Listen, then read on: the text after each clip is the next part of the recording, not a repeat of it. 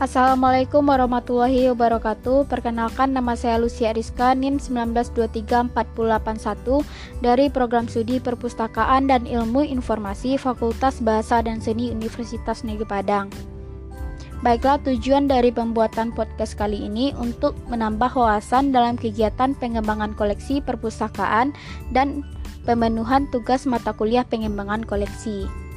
Pada pembahasan kali ini, saya akan membahas mengenai kebijakan pengembangan koleksi, di mana definisi dari pengembangan koleksi perpustakaan adalah suatu ketentuan yang memuat prinsip untuk mengarahkan cara pengembangan koleksi perpustakaan yang telah disetujui oleh pihak yang bertanggung jawab atas upaya penambahan dan perluasan koleksi di suatu perpustakaan.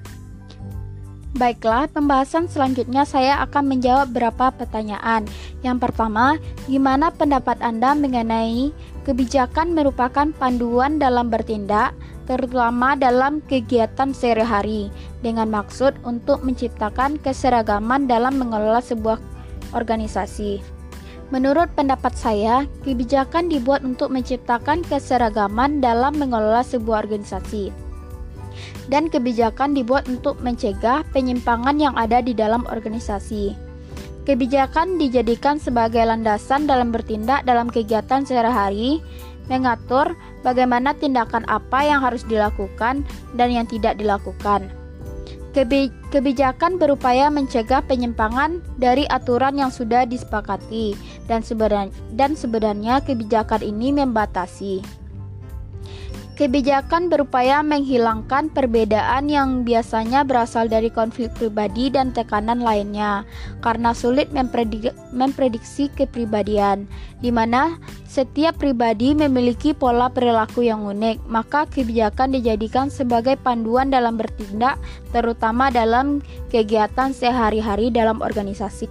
Yang kedua, saya akan menjelaskan mengenai Kegunaan kebijakan dalam organisasi menurut Grison 1999 dan saya akan menjelaskan dua di antaranya. Yang pertama, menangani masalah yang ada di organisasi. Maksud dari kebijakan dalam organisasi yang digunakan sebagai menangani masalah yang ada dalam organisasi adalah jika terdapat permasalahan, maka kebijakan menjadi pemandu dan menjadi dasar dalam pemecahan masalah yang ada di da dalam organisasi. Misalnya mencari solusi, solusi terkait apa yang harus dilakukan untuk mencegah dan memecahkan permasalahan dan apa yang harus dilakukan untuk mencapai tujuan organisasi dan kebijakan sebagai landasan apa yang harus dilakukan dan apa yang tidak dilakukan untuk menyelesaikan suatu permasalahan. Dua, sebagai panduan setiap orang dalam pengambilan keputusan. Keputusan dalam sebuah organisasi harus didasari dengan kebijakan dalam sebuah organisasi, di mana setiap organisasi memiliki kebijakan masing-masing dan kebijakan sesuai dengan jenis organisasi. Kebijakan dalam pengambilan, keputusan memiliki peran penting dan pengambilan keputusan menjadi acuan keputusan dan apa yang baik untuk organisasi dan keputusan apa yang tidak baik untuk organisasi. Yang ketiga yaitu bagaimana pendapat Anda mengenai kebijakan sebuah perpustakaan seharusnya dituangkan dalam bentuk tertulis dan apa dan apabila ada kebijakan yang disampaikan oleh kepala perpustakaan namun belum menjadikan pedoman tertulis tetapi harus menjadi pelaksanaan kegiatan. Menurut pendapat saya mengenai pernyataan tersebut, yaitu kebijakan sebuah e, sebuah organisasi seharusnya dituangkan dalam bentuk tertulis karena tanpa adanya kebijakan tertulis, kesalahpahaman bisa saja terjadi sehingga tujuan organisasi tidak tercapai. Akan tetapi, kegiatan yang harus dilakukan meskipun tidak ada pedoman tertulis harus dilakukan karena kebijakan yang dimuat dalam organisasi tidak memuat segala kegiatan dalam perpustakaan. Contoh da contohnya dalam sebuah persoalan dalam pengembangan koleksi. Misalnya dalam menentukan besaran anggaran untuk menentukan beberapa disiplin ilmu atau beberapa jenis bahan pustaka ditentukan melalui rapat pimpinan yang tidak diatur dalam kebijakan. Muatan kebijakan yang ada menunjukkan mekanisme kerja proses seleksi secara umum saja dan biasa dilakukan selama ini. Dari gambar, gambaran kondisi itu dapat kita simpulkan bahwa kebijakan yang bersifat strategis harus dilaksanakan meskipun kebijakan tersebut tidak tertulis. Yang keempat yaitu eh, kemukakanlah contoh dari pelaksanaan azas kebijakan pengembangan koleksi di mana saya akan menjelaskan tiga di antaranya.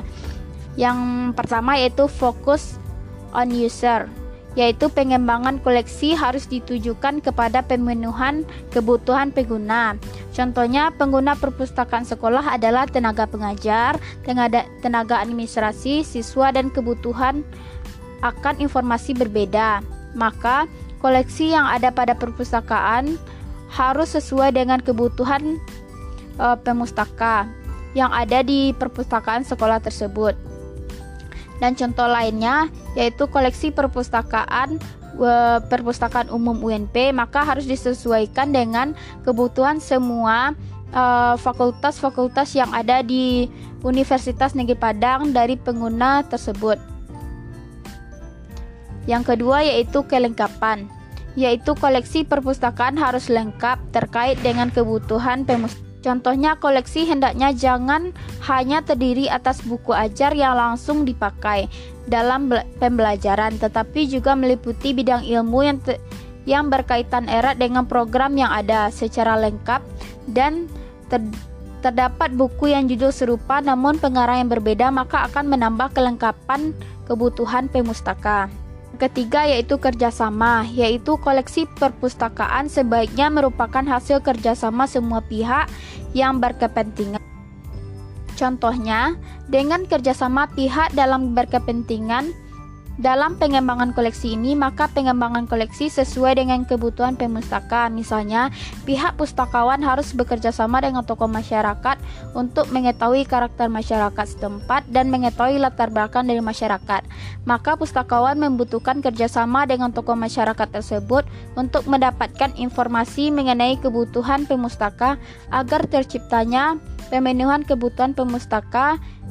Begitu juga dengan uh, kerjasama dengan pihak-pihak lain yang terkait. Maka perlu kerjasama yang baik dengan pihak internal dan eksternal agar dapat saling membantu dalam pemenuhan kebutuhan pemustak. Yang terakhir yaitu yang kelima, kemukakanlah pendapat Anda keterkaitan antara ketiga kepentingan ketiga informasi utama dalam merancang kebijakan pengembangan koleksi